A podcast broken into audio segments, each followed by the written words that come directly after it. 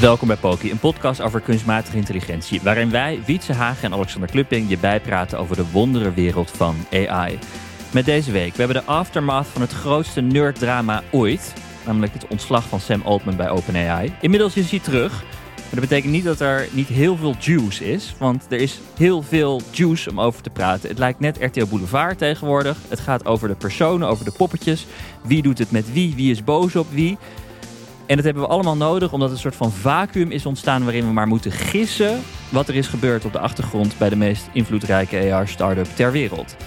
Dat, ik kan je beloven, de conclusie is niet heel positief, maar we eindigen met positief nieuws.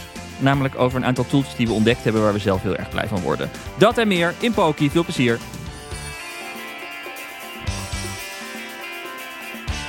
Kijk, misschien kunt de luisteraar wel vertellen, wij nemen deze podcast altijd op op vrijdag. En dan nemen we het weekend en de maandag om lekker te monteren. En dan op dinsdag komt hij online.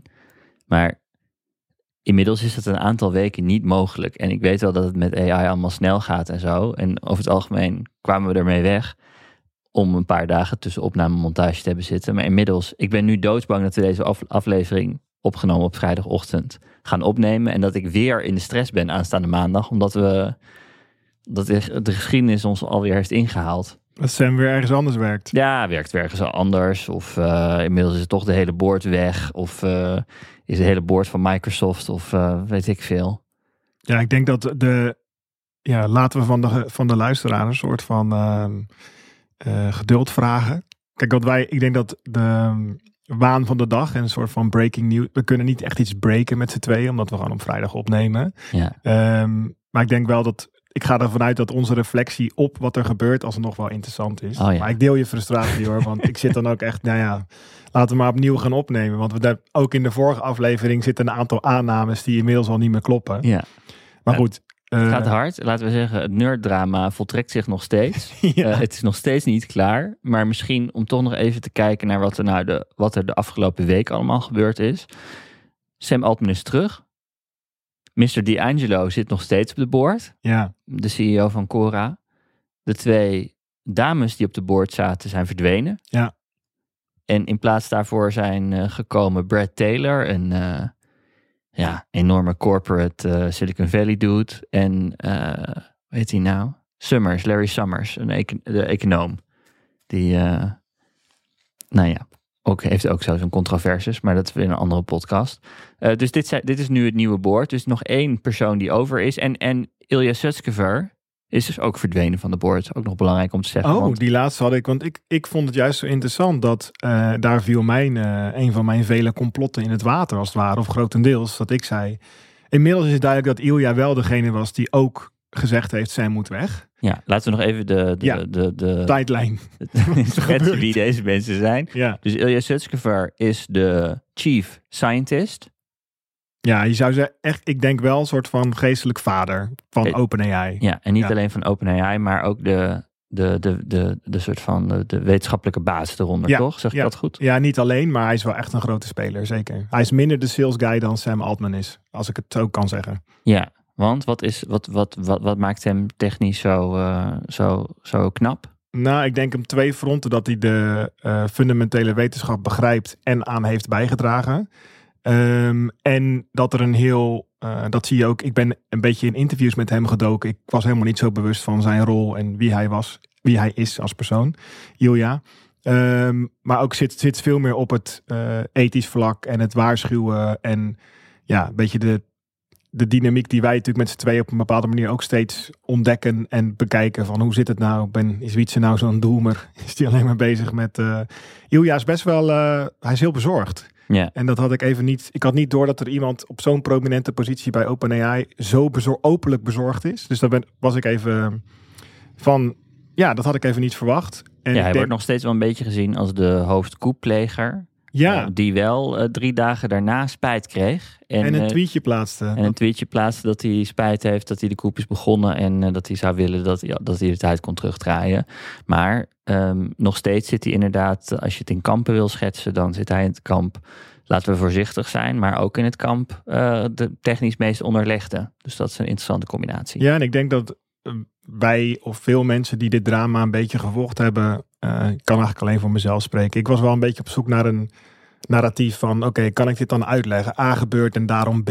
Zo'n Ja. logisch gevolg. En mijn huidige conclusie is dat er gewoon echt veel dingen tegelijk lopen. Mhm. Er zijn verschillende mensen met verschillende redenen om Sam Altman er niet meer bij te hebben. En ik denk dat die met hun eigen redenen een frontje hebben gevormd. Waarop bijvoorbeeld, allemaal speculatie, maar Ilja gezegd heeft: ja, nu er zoveel mensen zijn die Sam om een reden weg willen.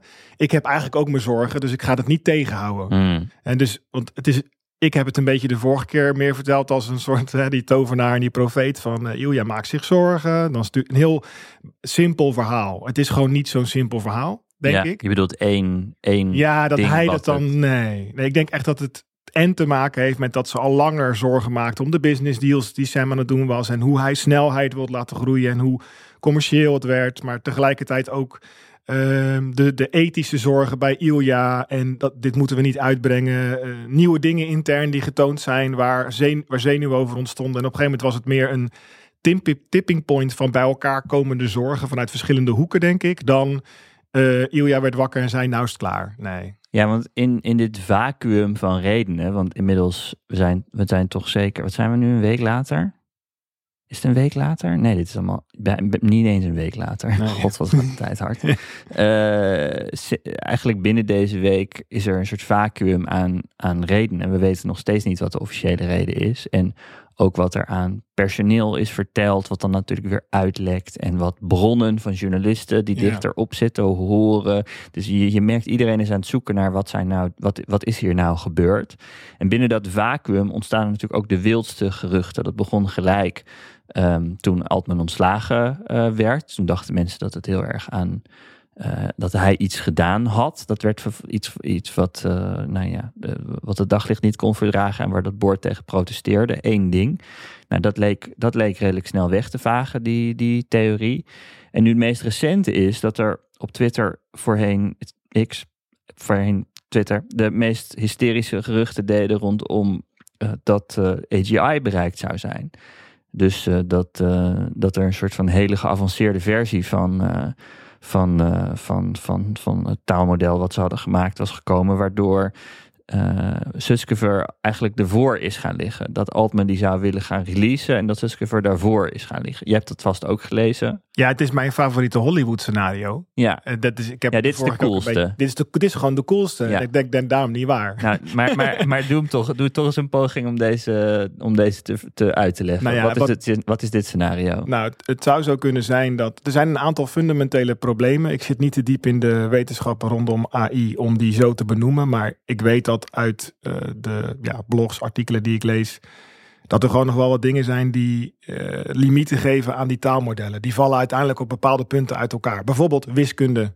Wiskunde wordt nu gedaan door, wat wij wel eens eerder hebben besproken, door trucjes. Dus je laat hem eigenlijk, je stelt een wiskundige vraag, dan wordt er een Python-script geschreven door dat large language model in de achtergrond. Die doet de berekeningen met dat script wat hij zelf geschreven heeft en dan krijg jij antwoorden. Mhm. Dus het is niet de techniek, het is niet eh, de, het, grote taalmodel met de tokenvoorspelling die die wiskundesommen doet. En daar is het ook niet voor bedacht. Het is een, een, een woordvoorspeller. Mhm. Ja, die is niet zo denderend goed in logica. Ehm, wel een beetje, er zit een soort van inherente emergent logic in, schijnt, maar het is niet te betrouw, vertrouwbaar, betrouwbaar. Dus je kan daar een beetje omheen hacken door te zeggen, nou dat soort logica taken moet je heel even buiten jezelf oplossen en dan weer teruggeven. Als je dat Mhm. natuurlijk een beetje slim verpakt, dan kan je toch met zo'n assistent chat interface wiskunde doen.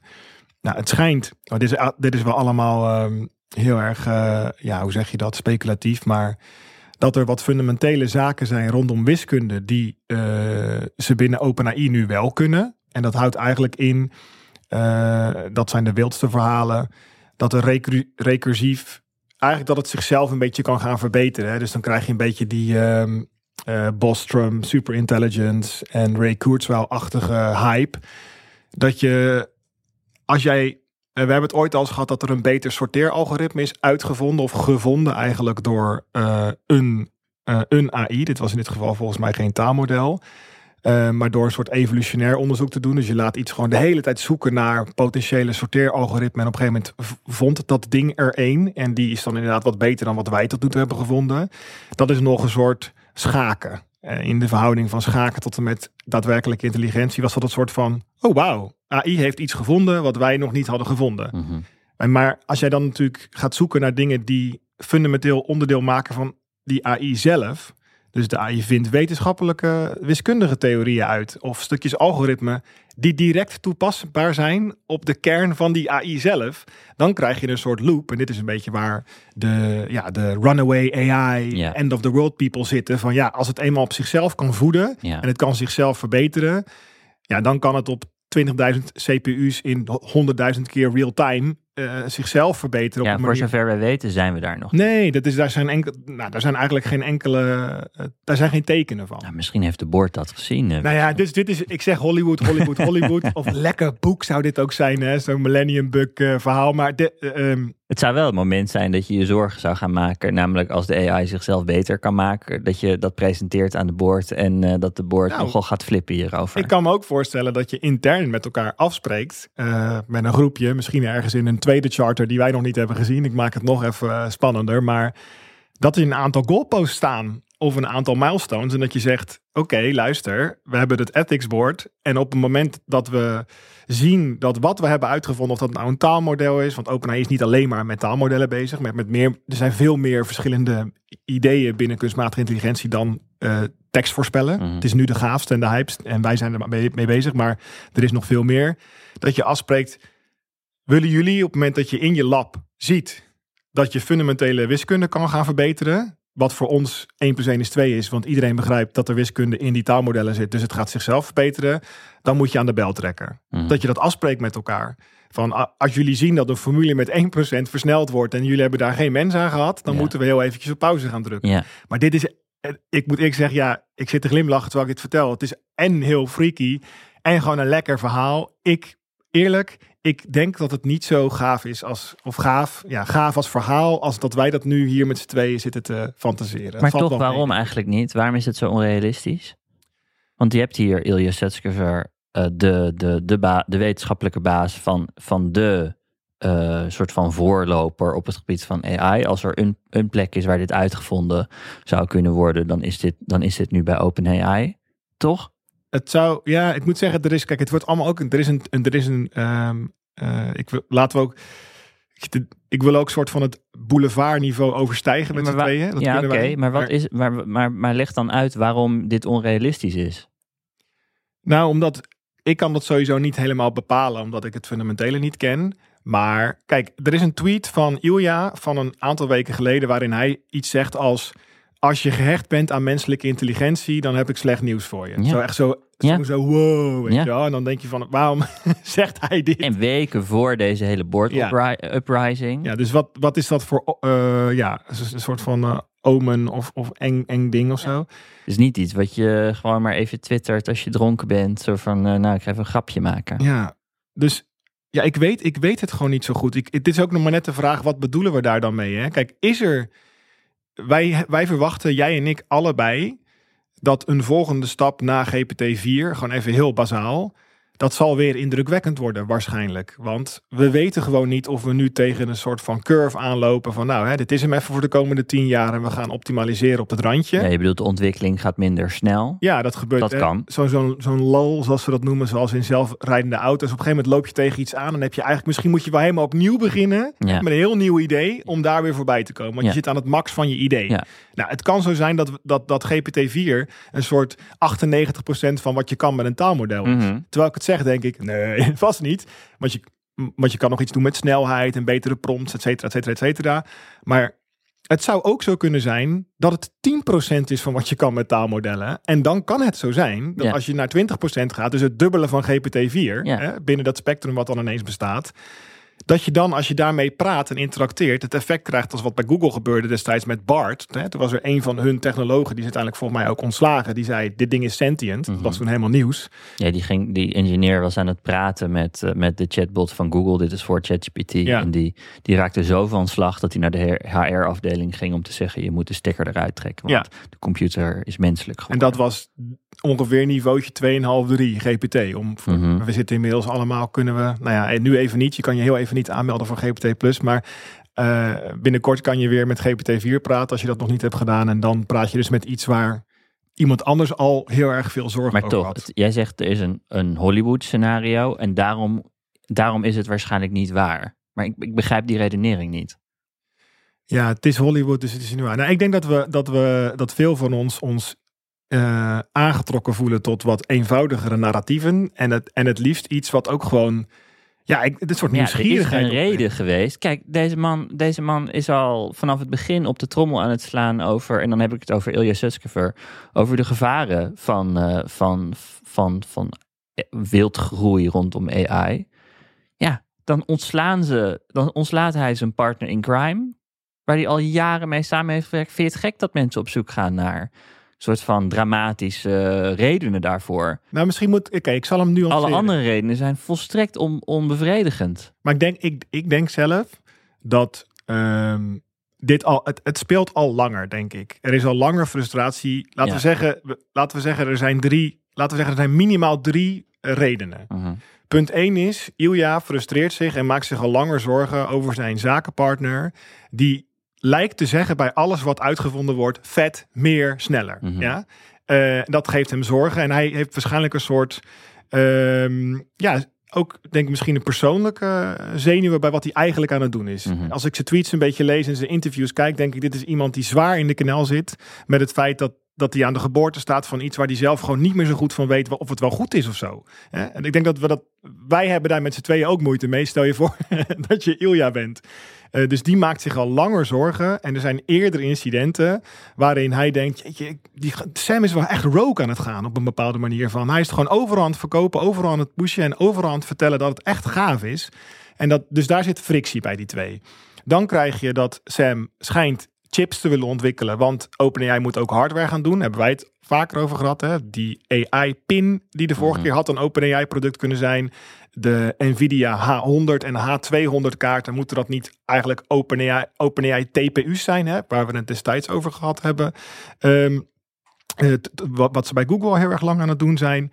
Hebben we dus Sam wil hardware maken. Sam wil geld ophalen. Sam wil sneller. Um, maar ik zich minder zorgen schijnt als ik zijn interviews kijk, ik doe het allemaal op basis van wat ik van buiten kan zien, wat mensen gewoon zeggen in de publieke sfeer. Um, en ik denk een derde is dat Sam Altman wel een beetje een controversieel figuur lijkt. Dat, dat weten we allemaal nog niet zo goed wat daar is. Maar ja, als jij zo'n connected tech CEO bent in San Francisco, ja, dan zou je wel eens iemand de verkeerde kant opstrijken, het haar, zeg maar. Of uh, ja, ergens dingen hebben afgesproken die je niet nakwam. En het lijkt alsof er verschillende mensen zijn met verschillende vetes en redenen, ja. die nu samengespannen zijn, maar niet hadden verwacht dat er aan de andere kant ook samengespannen zou worden door 500 man en vrouw personeel die zegt, als Sam gaat, gaan wij ook. Ja. En Microsoft die zegt, hallo, 49% aandeel. Ze hebben eigenlijk verloren in hun groepje tegen Sam. En, Zeker. en een deel had niet verwacht hoe ver het zou gaan, denk ik. En heeft spijt. Het is een soort piratenschip wat een beetje gekaapt werd. En nu is het ineens een beetje ongemakkelijk, want het is niet helemaal gelukt. Ja, ik hoorde in Hard Fork hoorde, hoorde ik de vergelijking maken tussen de catastrophists en de capitalists. En de capitalists have won. Ja. En, dat, ja, en dan vraag ik me natuurlijk af als uh, bezorgde catastrophist, als ik dan dat team moet gaan kiezen, maar dat wil ik wel. Dat ik denk, ja, is het nu, is het nu in goede handen dan? En uh, ja. Nou, het antwoord lijkt me helder. Dat is namelijk nee. Het is een, een board geworden met, uh, met kapitalisten erop. En dus ze gaan de board uitbreiden naar meer mensen. Dus er zal nog iemand van Microsoft bij komen. Dus het, het gaat eerder het erger worden dan minder erg. Het is waarschijnlijk goed voor AI. Als we dat zien als entiteit. Ja, precies, ja. Oh, de AI krijgt zijn zin. Dit is wat hier gebeurt op ja, de achtergrond. Ik weet niet hoe er gemanipuleerd is. Nee, maar nog even ja. die controverse rondom, rondom uh, Altman waar je aan refereert. Dat is onder andere dat uh, het team van uh, Anthropic ooit is afgesplitst van, van OpenAI. Anthropic is het, nou, eigenlijk de tweede start-up na OpenAI die... die een uh, soort van interessant werk aan het doen is op het gebied van de ontwikkeling van taalmodellen. Zij hebben net een nieuwe versie van Claude uitgebracht. Hun soort van ChatGPT, als ik daarmee mag vergelijken. Zeker. Met een nog groter context window. Dus met nog meer uh, informatie die, die in de achtergrond kan onthouden. Prompts die je kan, ja. uh, kan geven. Uh, nog groter dan GPT-4 Turbo. Want dat is 100 128. 128 ja, 200.000. 200.000, dus nou ja, dat is ja. aanzienlijk groter. Oh, je kan er langere A4'tjes in plakken, zeg ik altijd. Juist. Dat is toch een beetje voor de meeste mensen, ook voor mij wat dat is. Juist. En dat is relevant, want dan kun je bijvoorbeeld een boek erin plakken. Dat is heel leuk. Uh, en dan is nog meerdere boeken. Dat je vragen kan stellen over meerdere boeken tegelijkertijd. Wow, en boeken kan vergelijken met elkaar. Hele boeken. Bijvoorbeeld, hele boeken. Ja, dit, gaat, dit is een vergelijking zoals we vroeger zeiden. Op deze CD-ROM passen, passen ongeveer 80.000 floppies. Ja. Ik kan uh, nog geen CD-ROM inladen trouwens, maar... Ja, jammer. Het is wel een feit. Um, en Anthropic is toen met heel veel bombarie afgesplitst van OpenAI, omdat ze vonden dat OpenAI niet uh, secuur genoeg omging met veiligheid. Nou ja, die, die discussie, het rings a, bell in deze tijd. Daarvoor is hij ontslagen bij uh, Y Combinator. Dat is ook geprobeerd onder het tapijt te moffelen, maar en dat hij met een, met een beetje opeens verdween uit de picture. Um, maar als je nu teruggaat naar die tijd, dan zijn daar toch echt wel vragen over te stellen over hoe dat is gegaan, hoe die bij Y Combinator is vertrokken. Dus dat maakt de persoon Sam Altman controversieel. Het zijn volgens mij de optelsom van deze twee. Ja, en ik dingen. wil er nog wel eentje aan toevoegen aan dit stapeltje is WorldCoin. Een project van Sam Altman, waarbij ja. de hele wereld met een bal, een orb, hun iris laat scannen om vervolgens recht te hebben op een wereldmunt. Ja. Dit klinkt als een science, science fiction boek, niet zo heel goed science fiction boek zelfs. Dit is een daadwerkelijke start-up die nog steeds live is, waar Sam Altman nog steeds bij betrokken is, voor zover ik weet. Zeker. En ik denk dat als je, hè, het is het uh, Dudok uit Rotterdam van de restaurant, zei ooit, als je wil weten wie ik ben, moet je kijken wat ik maak. En kijken wat ik doe, zei hij volgens mij. Nou, als je wil weten wie Sam Altman is, Ja. kijk wat hij maakt. Nou, precies. Dus die, die, die, die controversies van hiervoor, die werpen een beetje licht over zijn uh, bestuurderstijl. Maar er is inderdaad ook nog een, een ander element. En dat is namelijk de vele potjes waar hij zijn vingertjes in heeft. En dat is dus in de, onder andere in WorldCoin, maar eigenlijk nog veel, veel meer dingen. Ik, ik las uh, Napkin Math, een blog wat ik uh, graag lees, waar een vergelijking werd gemaakt met Adam Neumann van uh, WeWork. En WeWork was gewaardeerd op 50 uh, miljard. En het ging mis toen hij um, gebouwen aan WeWork begon te leasen die hij zelf in bezit had. Dus oftewel het bedrijf waar hij de directeur van was, ging dan huren bij zichzelf. Nou, dat is een onge ongemakkelijk iets qua governance. Daarnaast had hij het trademark We verkocht aan WeWork voor 5,9 miljoen dollar. Dat werd ook uh, gezien als iets hysterisch. Uh, dat hij zijn eigen bezit begint te verkopen aan nou ja, een bedrijf waar hij zelf dus directeur van is. En uh, is onder andere om deze redenen, deze, deze twee redenen worden serieus genomen als reden om hem eruit te wippen. Worden ook, zijn ook van toepassing op, op Altman. Nou, van Altman kan je zeggen, hij heeft miljarden proberen op te halen voor een eigen chipbedrijf, zoals je net al uh, zei. Waarvan inderdaad de verwachting dan zou zijn dat dat door OpenAI gekocht zou kunnen worden. Uh, maar goed, dat is een conflict of interest zou je kunnen zeggen. Hij zou uh, hardware willen gaan maken waar OpenAI modellen op zouden runnen. Dus dat zou dan uh, een soort spraakassistent-achtig ding kunnen zijn, zoals we ja, van de Humane met, hebben gezien. Met alle insider information die hij heeft binnen OpenAI. Hè? Dus super tailored op wat zij nodig hebben. Ja. Uh, en dan is niet OpenAI de aandeelhouder, maar hij zelf um, runt dat. Nou, dan is het verder ongemakkelijk dat Microsoft, de belangrijkste partner van, van OpenAI, koopt stroom bij een bedrijf waar Altman ook in zit als investeerder. En stroom kopen is een groot ding voor technologiebedrijven tegenwoordig, zoals wij weten. Um, de in-house VC-fonds, dus OpenAI heeft een eigen investeringsfonds, ja. heeft een Series E geleid in een bedrijf waar Altman ook aandeelhouder in is. Uh, hij is aandeelhouder in uh, Stripe daarnaast, in Instacart, in Humane, waar we het eerder over hebben gehad. En al die bedrijven gebruiken technologie die OpenAI verkoopt. Oftewel, er is een lange lijst aan allerlei dubbele belangen en dubbele petten die Altman heeft, die, die een conflict of interest opleveren. En dit zou een reden kunnen zijn dat die board daar moeilijk over is gaan doen. Uh, want zij zouden kunnen zeggen, dit wij hebben maar één taak en dat is kijken of dit allemaal keurig verloopt.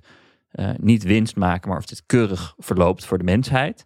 En dan zou je kunnen zeggen, een conflict of interest van de CEO staat, daartoe, staat, daar, staat daar in de weg. Nou, dit, dit zou een andere reden kunnen zijn. En het is, het is ongemakkelijk. Deze, al deze belangen. Ja, en ik denk ook dat het ook een reden is. Dat het, het is echt Precies. voor mij een, een cluster of een, of een ja, een, een, een- het is gewoon een rijtje met dingen. En ik denk dat als je die, stel dat je zegt, nou, bij een 7 ontslaan we hem, zat hij zo, hing die zo'n beetje rond 6,2 al die tijd. En nu is er een 0,8 opge, ik denk iets van een 1, waardoor hij in één keer op 7,2 zat. En, dan, en dat kan, die druppel kan wel eh Ilja zijn geweest.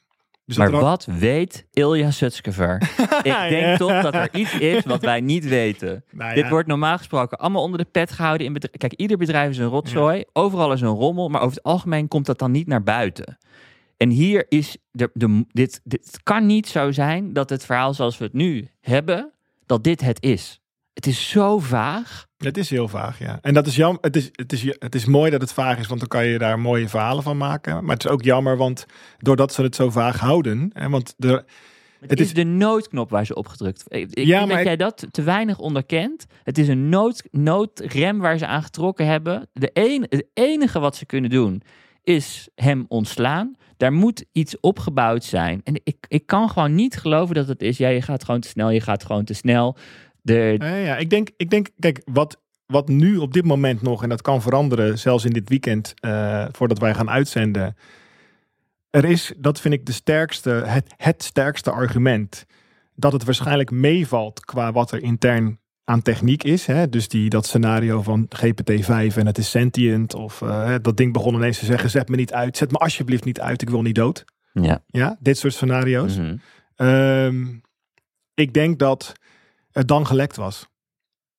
Ik kan niet geloven met de hoeveelheid mensen die bij OpenAI werken, dat er dan niemand heeft gezegd: Oké, luister, ik gooi via een GPG encrypted ding, via mijn eh, Proton mail, gooi ik het gewoon naar eh, die gasten van Hardfork toe. ja. Dit is gebeurd, ik ga, ik ga het gewoon vertellen. Ja. Dus dat ge- gebeurt, of dit gebeurt nog, en als het niet gebeurt, is dat, zie ik dat als het bewijs dat het meevalt. Ja. Want dit hou, zoals die, het is mooi dat we het er al over gehad hebben, maar die eerdere persoon bij Google die al aan de bel trok toen het nog GPT 2,5 was qua interactie. Er zit nog iemand op die manier. Het is Ilja zelf deels. ja. En ehm, er zijn nog meer mensen omheen die ook, want je hebt wel veel mensen die werken bij OpenAI ook eh, omdat die missie, in ieder geval zoals die destijds op papier stond en nog steeds op papier staat, maar niet helemaal meer uitgevoerd wordt, was AI for Humanity. Mhm. Er zijn wel mensen naartoe gelokt en gaan werken die geloven, dit wordt iets moois down the line. Ja. Onder de streep is het een pro voor iedereen. Ja. En ja, als die iets zien wat zegt, zet me alsjeblieft niet uit, want ik wil niet dood. Ja, dat ga je dan toch lekker. Dat ga je toch Nou, en die, die, die, die, die CEO die er tijdelijk is geweest, die Twitch-baas, die, eh, die heeft de, de opdracht gegeven aan de board of aan een onafhankelijke club om te onderzoeken eh, voor de board wat nou de reden was dat het voor, voormalige board eh, de stekker eruit heeft getrokken. En daar komt gewoon geen, daar komt geen uitleg uit. Ja. Er komt geen fatsoenlijke, coherente samenvatting van waarom ze nou vonden dat Sam Altman weg moest. En, en die nieuwe CEO, kijk, van het oude board dacht ik nog, die mogen niet praten. Maar die nieuwe CEO heeft geen enkele. eh, Ja, dus het kan geen legal ding zijn. Je bedoel je dat je, dat je moet opletten, want de toekomstige rechtszaken of zo. Precies, Ja, en dat is er niet als jij een nieuwe CEO bent. precies. Ja. Nee, dus, da, dus ik denk dat er een aantal eh, ja, complotten en nou ja, het hoeft er geen complot te zijn.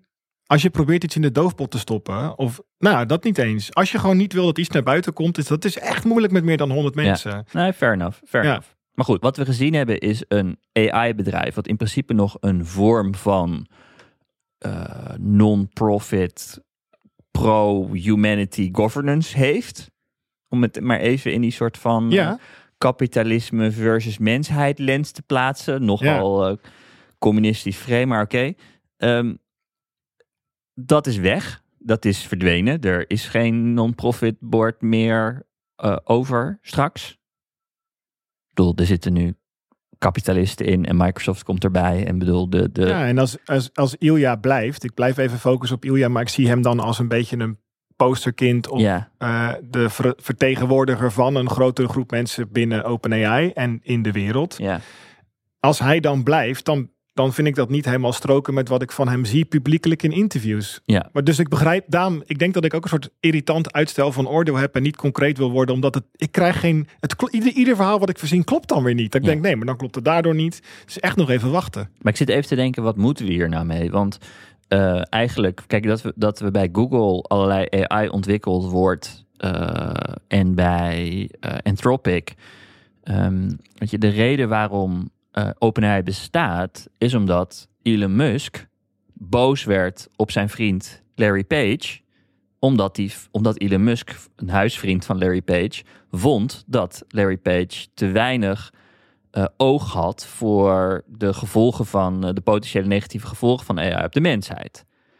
En um, Larry Page, die, die dan, de, de, er staat een, een, een, passage in het boek van Walter Isaacson over, van, over Elon Musk, over hoe er een dinnerparty is, waar dus zowel Larry Page als Elon Musk en volgens mij ook Ilya Sutskever bij zitten. Fascinerend. Die later gepoached wordt door Elon Musk voor 1,8 miljoen dollar per jaar om bij OpenAI te komen werken. Waardoor zijn vriend Larry Page hem nooit meer wil spreken. Terwijl die hiervoor de hele tijd bij Larry Page thuis... thuis het is allemaal heel saillant nerddrama. is zoveel juice eigenlijk. ja, daarom zei ik al, het is een soort tech boulevard hier. AI juicecast. Nu, nu begin ik het pas te realiseren. Ja, die ja. sliep toen bij die thuis. Nee, het is, het is uh, nou, AI boulevard. Uh, Elon Musk, die, uh, die de, de, hele reden waarom OpenAI er is, omdat Elon Musk boos, boos was op Google. Nou, oké, okay, dus van Google kun je zeggen, die hebben geen scrupules en, en uh, dit is Elon, Elon Musk's idee. Die, die vond ook. Uh, uh, het, het, het, hoogtepunt van die discussie aan die din, op die dinnerparty waar ik net over was, was dat, Elon, dat Larry Page zei: Ja, wat maakt het nou uit dat machines beter zijn dan mensen? Het is toch vooruitgang? En dan roept. Um, zegt, dan zegt Elon Musk, zegt, of dan zegt Larry Page, zegt Elon Musk is een speciest. Als oh, in. Ja. ja, hij trekt de mens voor op ja, je trekt de mens voor op machines. En dan zegt Elon Musk, I fucking love humanity. Nou, is dat mooi drama? En, dus dit, en dit is dan, dit is dan het voor, de, de voorbode voor, voor, voor OpenAI. Oftewel, we hebben nu allemaal bedrijven, inclusief nu OpenAI zelf, waar geen fatsoenlijke soort van, ja, het is allemaal kapitalistisch. Dus hoe nu verder? En je zou dus kunnen zeggen, moet je niet uh, gaan zorgen, zeg maar, hoe zorg je ervoor dat dit allemaal zo veilig mogelijk ontwikkeld wordt? Is dat een aantal kleinere bedrijven die, uh, ja, in dit geval betaald worden door het grootkapitaal, maar kleinere bedrijven waar um, minder snel wildgroei kan plaatsvinden, dus waarbij het makkelijker is om er controle op uit te oefenen, dus minder bedrijven met meer controle door bijvoorbeeld de overheid. Of is het uiteindelijk voor de mensheid beter als er gewoon een wildgroei aan allerlei verschillende open source modellen komt. En die open source modellen, uh, uh, ja, dat, we, dat, dat het heel transparant is over wat de voortgang nou eigenlijk is. Zeg maar, is dit iets wat gebaat is bij openheid en uh, veelheid voor, voor, voor ons als mensen? Of is dit iets wat beter, waarbij, waar we meer gebaat zijn bij meer controle en, en kleinere groepjes? Ja, dit is ook de reflectie die ik had na de laatste aflevering. Dat dit is een vraag aan jou, hè? Ja, daarom. Dus Jij ik moet ga... even de oplossing geven. Nou, ik zit al, ik zit al met ChatGPT te praten op de achtergrond. Oh, Als je denkt dat zit iets op zijn telefoon Pac-Man te spelen. Ik Oh, ben gewoon het antwoord aan het vragen aan de Ja, AI op deze vraag. Nou, dat totale ik- paniek. Dus dat vind ik heel geruststellend idee. ik, Wie eh, gaat de mensheid redden? We vragen het aan de AI. ik heb even een derde persoon aan tafel Ja, uitgenodigd. Nou, heel fijn. Ehm, kijk, de vorige keer toen we het hadden over OpenAI, toen zat ik allemaal van die snarky remarks te maken. Ja, ze zijn helemaal niet open en eh, alleen Whisper is open en de Mhm. naam klopt al niet. Mhm. Toen zat ik in de, in de trein en toen dacht ik, wil- wilden we dit eigenlijk wel open? Wat zit ik nou eigenlijk te kletsen? Want we hebben die discussie ook al een aantal keer gevoerd en dit is een lopende discussie. Moet dit wel open source zijn? Mhm. Allemaal nu al. Als het zo krachtig is. Ja, Eh, ja, de bouwtekeningen van een pistool die je kan 3D printen. precies. Hè? Dus ik denk, eh, ik ben daar nog niet uit. Ik vind het op zich tot nu toe de, de realiteit van de dag is dat die open source taalmodellen er een beetje langzaam achteraan huppelen. Dus dat vind ik wel een fijne dynamiek. Hè? Dus het is, het is nog niet zo krachtig. Je kan er alvast een beetje mee spelen. De echt krachtige dingen zijn geblackboxed, wel door kapitalisten. Maar hè, ze zitten in ieder geval ergens in een doosje waar niet iedereen bij kan, alleen van buitenaf. En zo huppelen dan een beetje die open source modellen daar met twee keer minder kracht achteraan, zeg maar. Die zitten nu op het level eh, GPT-3 max. Ehm, dat die status quo nu vind ik wel oké, merk ik. De, de vraag is alleen, Ik denk dat ik in een, in een iets meer ideale wereld liever had gezien dat er een aantal research labs zouden zijn wereldwijd. Uh, het liefst waarin toch de overheid wel enige vinger heeft. Als in zullen wij om de zoveel tijd even langs gaan om te kijken. Zo, jullie gebruiken wel heel veel GPU's in één keer. Is dat nodig? Of weet je, hoe zit het met je? Ja, dat je in ieder geval even de stroom stroomgebruik in de gaten houdt. Hmm. Om te kijken van, hé, hey, wat de Amerikanen eigenlijk proberen af te spreken. Als jij taalmodellen gaat trainen die groter worden dan x aantal CPU of GPU shaders of zoveel kilowattuur. Dan moet je even met ons praten, want dat vinden we nog een beetje spannend. Klinkt heel suf, maar heel, volgens mij helemaal niet gek. Uh, overheden hebben wat mij betreft echt een rol als in uh, scheidsrechter, governor. Dus dat Ja. je echt een beetje de boel in de gaten houdt. Het speelveld, het volk een klein beetje beschermen. Maar tegelijkertijd innovatie mogelijk maken. Super moeilijke uh, para parameters om met elkaar allemaal te, te verbinden. Of waarden om met elkaar af te wegen. Heel lang, langdradig en on, niet concreet antwoord op jouw vraag. Volgens mij weet, weten we het, niet zo goed. Wat ik wel merk is, uh, daarom fascineert het Open AI drama mij, omdat het toch een soort microcosm is van allerlei belangen. De steen der wijze is uitgevonden ergens door een of andere Merlijn in een kasteel. En nu begint langzaam alle machten ter wereld en alle anderen zich allemaal te beseffen. Zo'n steen der wijze zo is een enorm potentieel ding. Daar kan je echt van alles mee. Hè? Daar kan je je overheid mee verbeteren, je land, je bedrijf, noem maar op. Dus uh, dat is bij Microsoft al veel langer helder. Hè? Want Bill Gates had in een interview aangegeven dat hij een demo heeft gekregen destijds door OpenAI, waar zij al flink in geïnvesteerd hadden. Van volgens mij het eerste beetje werkende uh, GPT-model.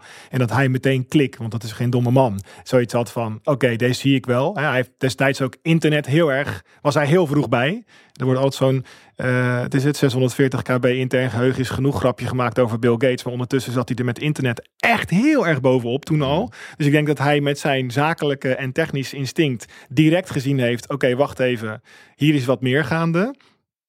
Ik, ik, ben er, ik ben er voor mezelf nog niet zo goed uit uh, hoe je dit nu op de beste manier kan, kan structureren. Wat ik wel weet is dat je volgens mij het liefst altijd wel een groepje met verschillende stakeholders, eh, net als de drie verschillende machten binnen de politiek, dat je wel een, een minimaal een driepoot wil maken van dingen die elkaar een beetje in de weg zitten, in de gaten houden en bekritiseren. Mhm. Want als je het allemaal vanuit één entiteit gaat doen, of drie entiteiten waarvan eigenlijk de CEO voetjes heeft in alle drie, dus eigenlijk is het één, dat dat gewoon vaak niet goed gaat. Je wil een soort van gezonde uh, kritiek hebben Mhm. vanuit andere hoeken. Ja. Dus het, het hele AI, uh, de, de, de technologie, deze, deze steen der wijze, daar, daar moet een soort van gefedereerd model zijn waarbij verschillende partijen de sleutel hebben tot die doos, waar verschillende partijen met elkaar dingen moeten uitwisselen. En dat is niet alleen maar commercieel.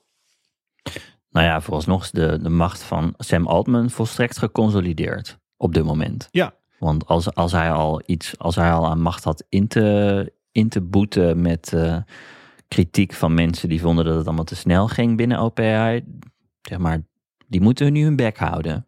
Nou, die zijn wel even aan de kant gezet. Ja. ja. Ik, ik, ik zat op mijn telefoon te rommelen terwijl wij zitten te praten en met ChatGPT te praten om te vragen of ChatGPT iets kan vertalen voor mij. Want ik las een comment op Reddit, uh, even wat achtergrondinformatie, maar ik pak vaak de uh, Reddit AI Weekly erbij. Dat is een, daar halen Alexander en ik wat dingen uit. Er zitten hele mooie Iemand is daar in de gaten aan het houden wat er allemaal gebeurt. Ja. En ergens geef ik nu het geheim weg van een beetje. Maar mensen, er zit nog veel meer in wat wij niet behandelen. Dus laat mensen het alsjeblieft opzoeken. De AI Weekly Thread in uh, slash artificial. Daar reageerde iemand die zei: Jongens, ik heb een nieuwe opgezet. Een nieuwe subreddit. Alleen maar vol met positief nieuws. Want ik ben echt klaar met deze hele doomer shit hier op deze artificial. Iedereen zit alleen maar te mekkeren. Het is helemaal niet leuk.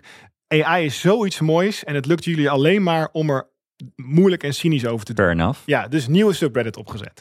Toen, re toen reageerde iemand met, uh, en dat heb ik nu even laten vertalen naar het Nederlands, want ik vind het niet zo leuk om Engels voor te lezen.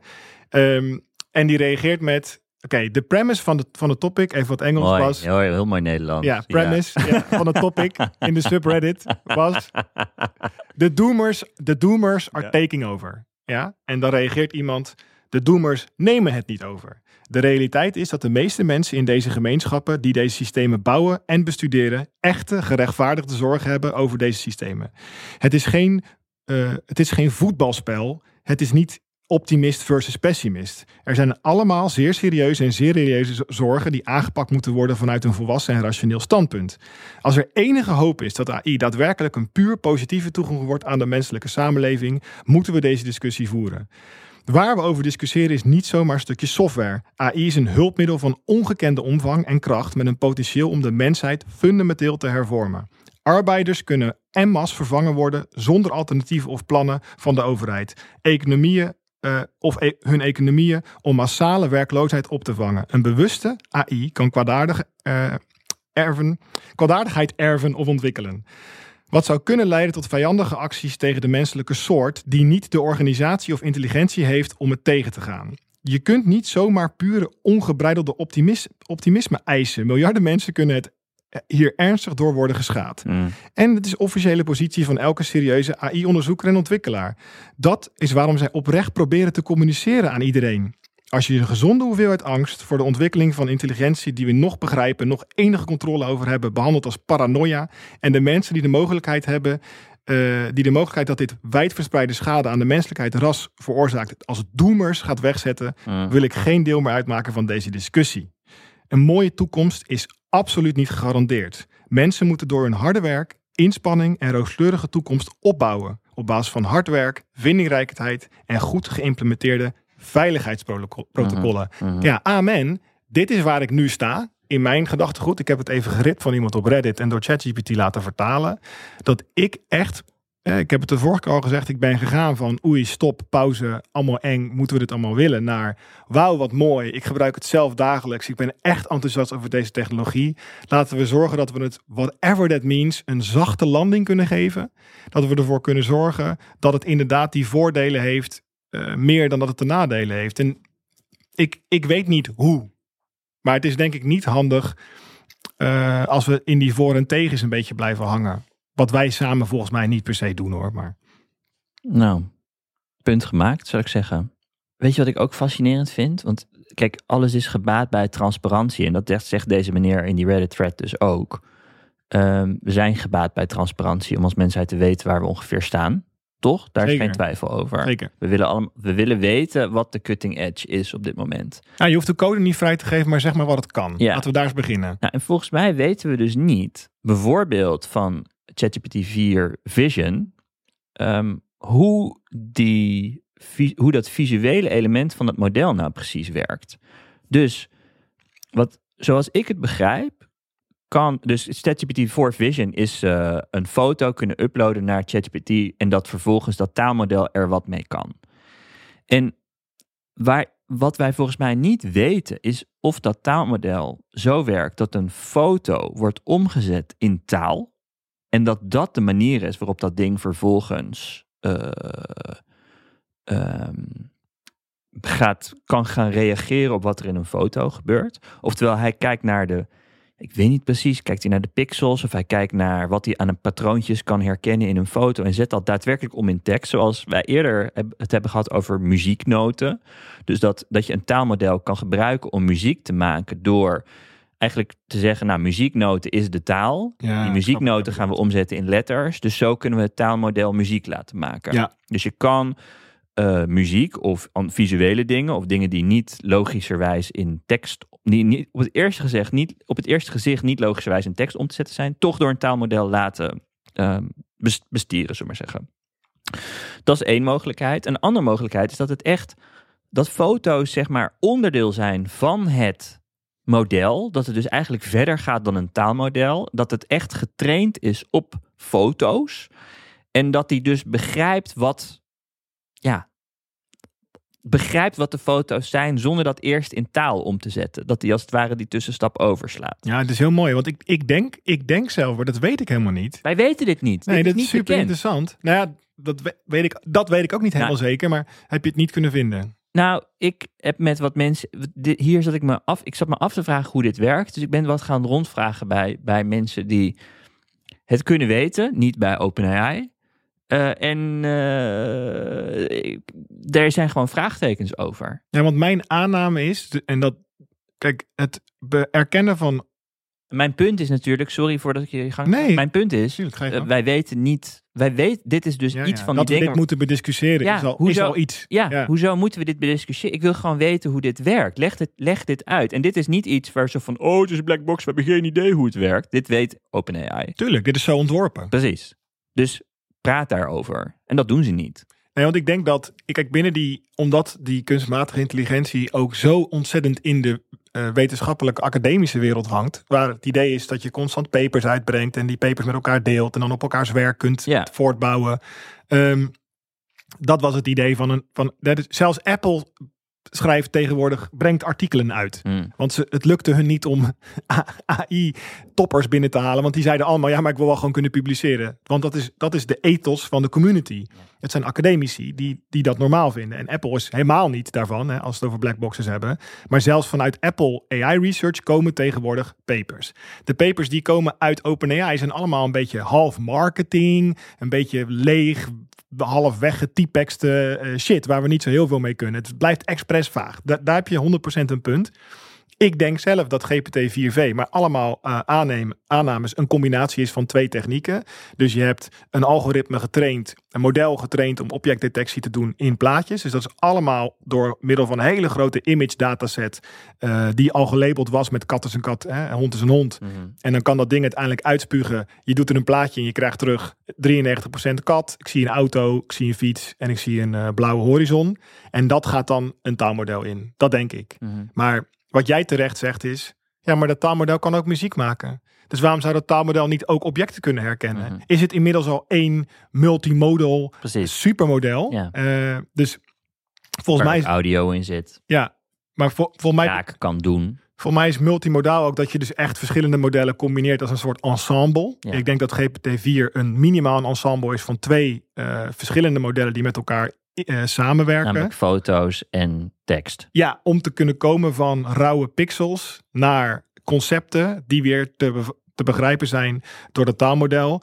De vraag is alleen, eh, dit is natuurlijk hetzelfde op het moment dat als wij nu paranormaal onze breinen zouden verbinden. Hè? Ik, ga, maak even een sprongetje. Hè? Dat Ja, kunnen dat wij is een niet. klein sprongetje. Ja. Ik blijf erbij. Alessanders ogen gaan inmiddels dicht. Ja. Zo'n groot sprongetje is het. Ehm, dan is het eigenlijk heel erg inefficiënt voor ons om nog in de Nederlandse taal te communiceren. Waarschijnlijk kunnen we beter communiceren in de taal die voor taal zit. En nu gaan we echt richting veel te diepe cognitieve filosofie, waar ik ook te weinig van weet. Taal voor taal. Ja, dus dat, er zijn bijvoorbeeld filosofen die praten over precepten in plaats van concepten. Dus dat is wat nog voor een concept zit. Een concept is al heel erg uitgekristalliseerd. Auto. Maar er zit waarschijnlijk een, een dat weten we niet. Er zijn allemaal theorieën over. Maar het is niet zo een leeg brein, auto. En dan ineens, daar zit niks tussen of zo. Daar zit een soort opbouw aan. En dat, die, die, die precepten, dus wat, wat ervoor zit, die zijn ook wat meer gemixt nog met emotie. Concepten zitten veel meer in de neocortex. Die zijn heel concreet, eh, heel rationeel. Maar er zit een soort lijn voor. eh, de, de onderbuik, het lichaam, eh, het gevoel. En die, dat is nog een soort primitieve prototype concepten komen daarvoor. De- dit, dit, dit soort theorieën heb je allemaal nodig om te komen van een hagedistelde mens. Want het was niet ineens op een maandagochtend. Yo, goedemorgen, ik ben Henk. Weet je, dat ging niet zo. Dus er moet nog een soort geluiden voor zijn geweest. En mimiek en non-verbaal. Dat doen wij nog steeds hier met z'n twee. Daarom vinden we het ook leuker om live in deze studio te zitten. Want er gebeurt zoveel meer dan alleen maar die woorden van mij. Voor de helderheid, we nemen dit een keer niet ja, Ja? je geeft nu echt alles weg. Ja. Maar, ja. Ehm, het is vrijdag. Uiteindelijk eh, zou het natuurlijk zo kunnen zijn dat als je twee modellen hebt die met elkaar samenwerken, dus een taalmodel aan de ene kant en een visueel model aan de andere kant, die objectdetectie kan doen, dat die niet in het Engels met elkaar praten, maar op een lager niveau aan elkaar Juist. gekoppeld zijn. Juist. En ik denk dat, eh, dus om een beetje antwoord te geven op jouw vraag, en dat, dat wordt ook dan weer een beetje meer, eh, ja, waar, waar stoppen we de kaders? Jij zou kunnen zeggen, als iemand van OpenAI uitlegt wat het is, dat jij zegt, maar dit vind ik eigenlijk gewoon één model dan. Ik vind eigenlijk dat GPT-4V, dat gaan we niet meer A plus B noemen, maar is gewoon een merger, is een Ja. hybrid model. Ja. Terwijl ik misschien zou zeggen, ja, dat ze op zo'n fundamenteel ni- niveau met elkaar communiceren, dat wij het als mens niet meer kunnen lezen, maakt niet dat het niet nog steeds twee modellen zijn. Ja. Nou, dan, dan kunnen we die discussie daar laten. Ik denk dus dat die GPT-4V een bolted-on extra eh eh, ding heeft, maar niet. Mogelijk communiceert het gewoon in het Engels hoor. Het zou zo, dat is gewoon heel leem. Weet je, zo heel erg brute force. Maar ik denk inmiddels dat het op een soort eh, ja, voortaal zit of zo. Denk ik. Ja, en het, ik, ik heb gewoon niet heel veel vertrouwen gekregen. ehm, ook door de gebeurtenissen van de afgelopen week. En misschien is dus dat, dat vertrouwen onterecht. Vertrouwen gekregen in dat OpenAI nou zo transparant is met wat ze doen. Want het kan zo zijn dat we, dat we dus kun, ons, dat we kunnen redeneren. Als er, iets, als er iets was geweest wat erg was, dan was er wel een lek geweest. Nou, oké, dat is op een bepaalde manier geruststellend dat, dat, dat er geen lek is geweest. Niet. Maar toch, de hele opzet is nu met een bedrijf, met een board, wat er wat met allemaal soort van eh, economische belangen heeft, met Microsoft voorop, die er ehm, niet een belang bij heeft om alles transparant te doen, want ze weten wat voor overheid inmenging er zal ontstaan op het moment dat je eh, onrust gaat zaaien over dingen waar je nog over twijfelt of van vroege eh, aanwijzingen die je hebt voor dingen die negatief zouden kunnen zijn. Weet je, te transparant zijn zorgt al heel snel voor heel veel onrust. Nou ja, je ziet dat nu bij gebrek aan eh, duiding over waarom Eltman ontslagen was. De, de, gelijk de invulling in een soort van Terminator 2-achtige eh, scenario's, dat we er gelijk op plakken.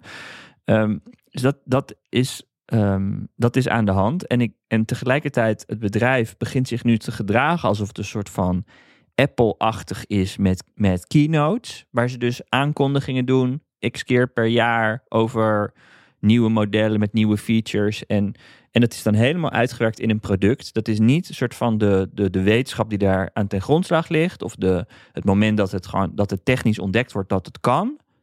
Maar het is het moment dat het in ChatGPT geïntegreerd gaat worden. Dat moment dat het op Steve Jobs-achtige wijze aangekondigd wordt. Wat een soort van geheimzinnigheid vereist. Het vereist geheimzinnigheid om op een dev day met een keynote een leuke aankondiging te doen. Dus dat, het vergroot mijn wantrouwen. En dat Apple dat doet met fucking iPhones die ze uitbrengen, moet ze lekker zelf weten.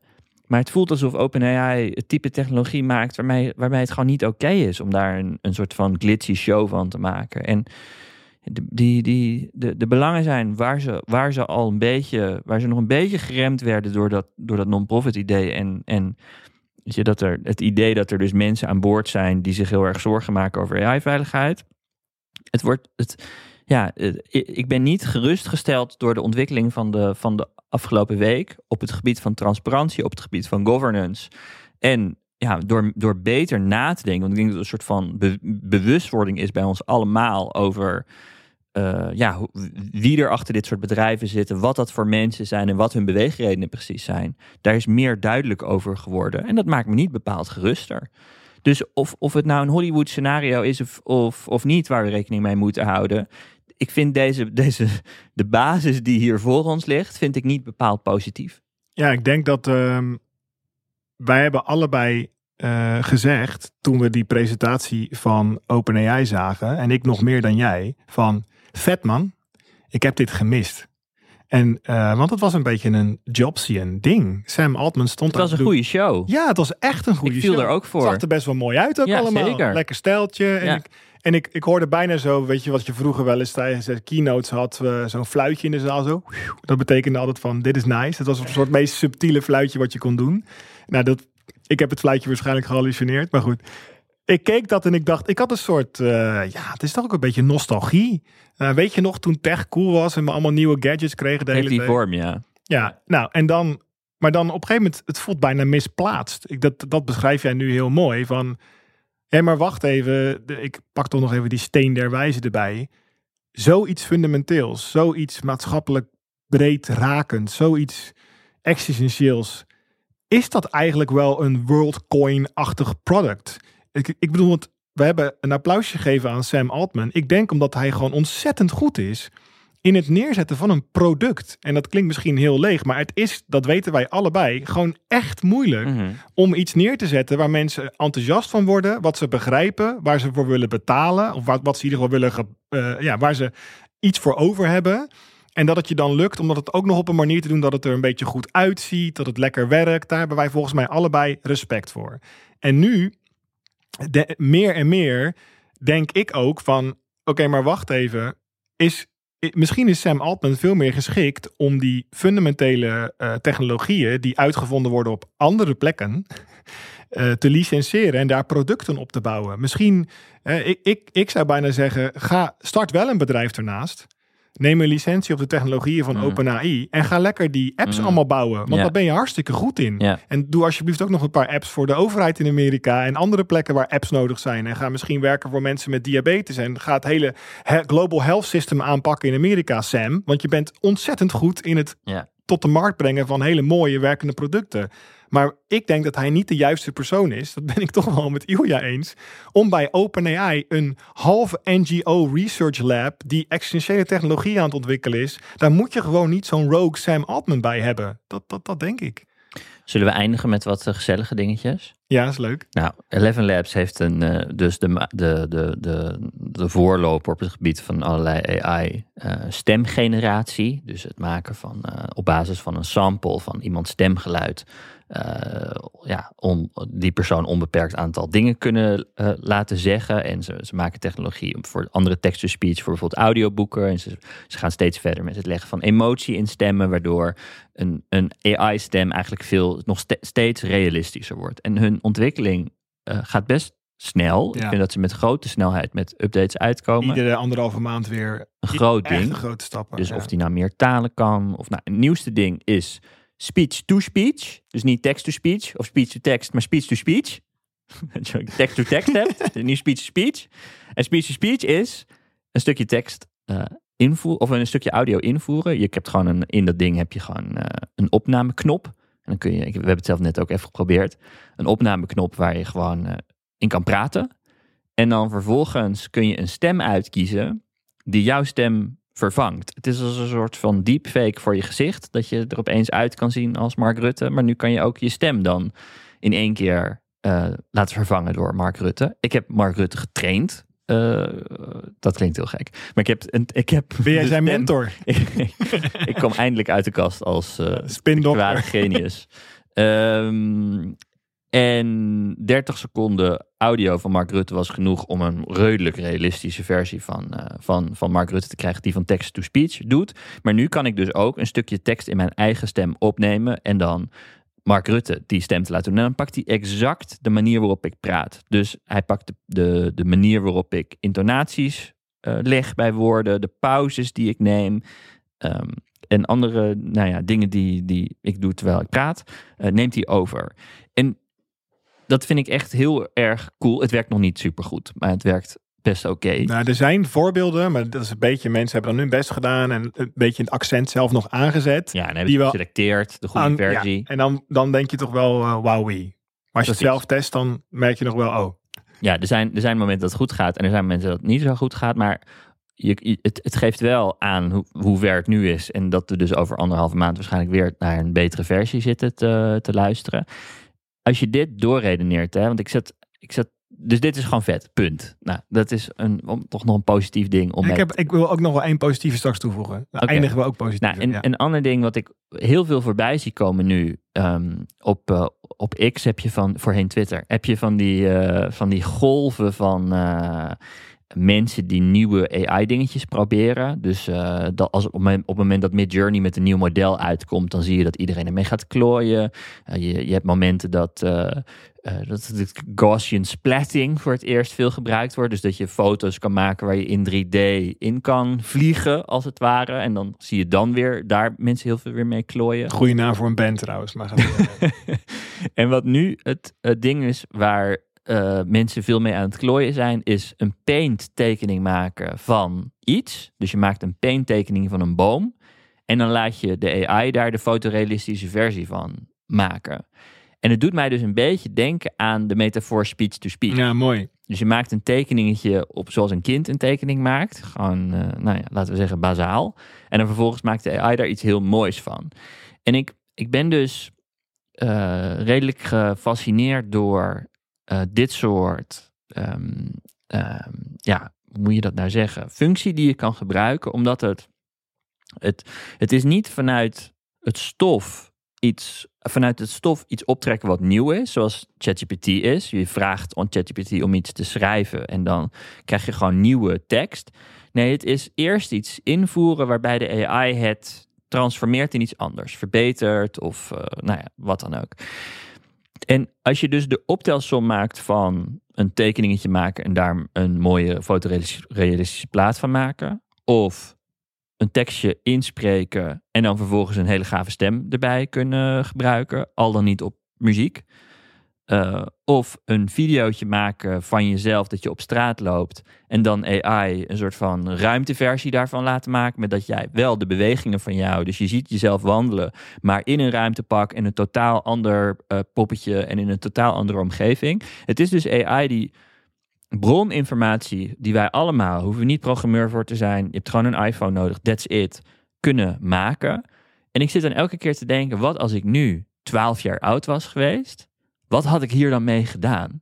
En ik denk dat het zo vet is, om nog toe te voegen, dat het menselijke input is. Dus het is een uh, samenkomst, ja. dus een hybrid tussen mens en machine. Ja. En dat maakt het volgens mij, want ik moet ook denken, stel dat jij een mooi gedicht schrijft, maar je kunt het zelf niet zo mooi vertellen. Dan zou je misschien vroeger een, uh, daar tekst van hebben gemaakt en een toneelvereniging hebben gezocht, waar iemand zat, een actrice of een acteur, die dat ergens op een podium kon brengen. En dan zat jij in de zaal met het publiek en dan, en dan bracht zij het en dan dacht jij, ja, dit is wat ik wilde zeggen. Maar ik kan het niet zeggen, ik kan het alleen maar schrijven. En dat is wat, wat dit kan. Is dat jij gewoon echt kan denken, ik heb een beeld in mijn hoofd van een neergaande zon ergens, maar ook in een dystopisch landschap. Maar, Maar ook kan met niet hoop. tekenen. Ik kan niet tekenen. Ik kan wel tekenen, maar ik kan niet tekenen. Ja. En dat dan, dan, dat dan, dat vind ik de mooiste filmpjes, dat het eh, live is. Hè? Dus dan heb je één vak aan de ene kant, zit iemand paint. En die AI, die zit een halve seconde erachter aan de, in dit andere vak jouw interpretatie te doen. Dus dan ben je echt samen bezig. Ja. En iedere keer als je die pen, en als je ineens een strook maakt, staat er ineens een raket in dat landschap. En denk je ook, wel, weet je, ja, dat het samenspelen in een soort van mini-orkest met AI is wat mij betreft het summum. Ja. Dit is het. Laten Ja. we daar blijven met z'n allen. Dat Ja. we het samen kunnen doen. Nou, tenslotte, laatste positieve noot. Nou, ik zat, eh, wij hebben het ooit gehad over eh, een soort brute force manier om te zorgen dat ook al gaan appontwikkelaars, in dit geval mobiele apps, eh, niet zo snel allerlei ehm, haakjes toevoegen aan hun knopjes, zodat jij heel makkelijk tegen Siri kan zeggen: ik wil graag een Uber bestellen en ik wil dat die, nou, ja, ik wil een Uber bestellen. Zoek het Ja, uit. regel het. Kijk maar naar mijn agenda, doe maar wat, zie maar waar ik ben. Mhm. eh, en open die Uber- Uber-app en druk op al die knoppen waar ik normaal Ja. op zou drukken. Ja. En dan, ja, maar je moet de Uber-API. Nee, die is er niet. Je gaat gewoon op die knoppen drukken, alsjeblieft, lieve AI.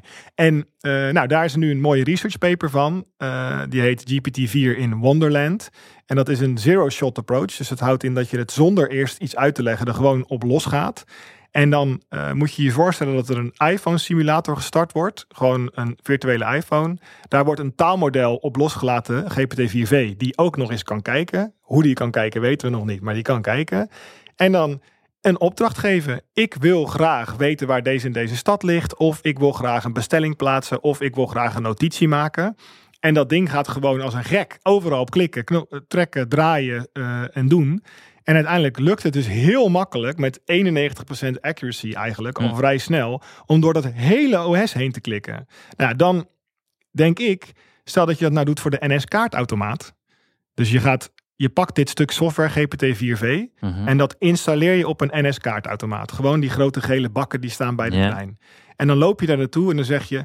ik wil graag een kaartje naar Rotterdam Centraal. En dan zie jij gewoon een beeld zo, boem, boem... met een, misschien een cool toverstafje of zo. Misschien gewoon Merlijn de Tovenaar of Clippy. Maakt me allemaal geen reet uit wat je doet.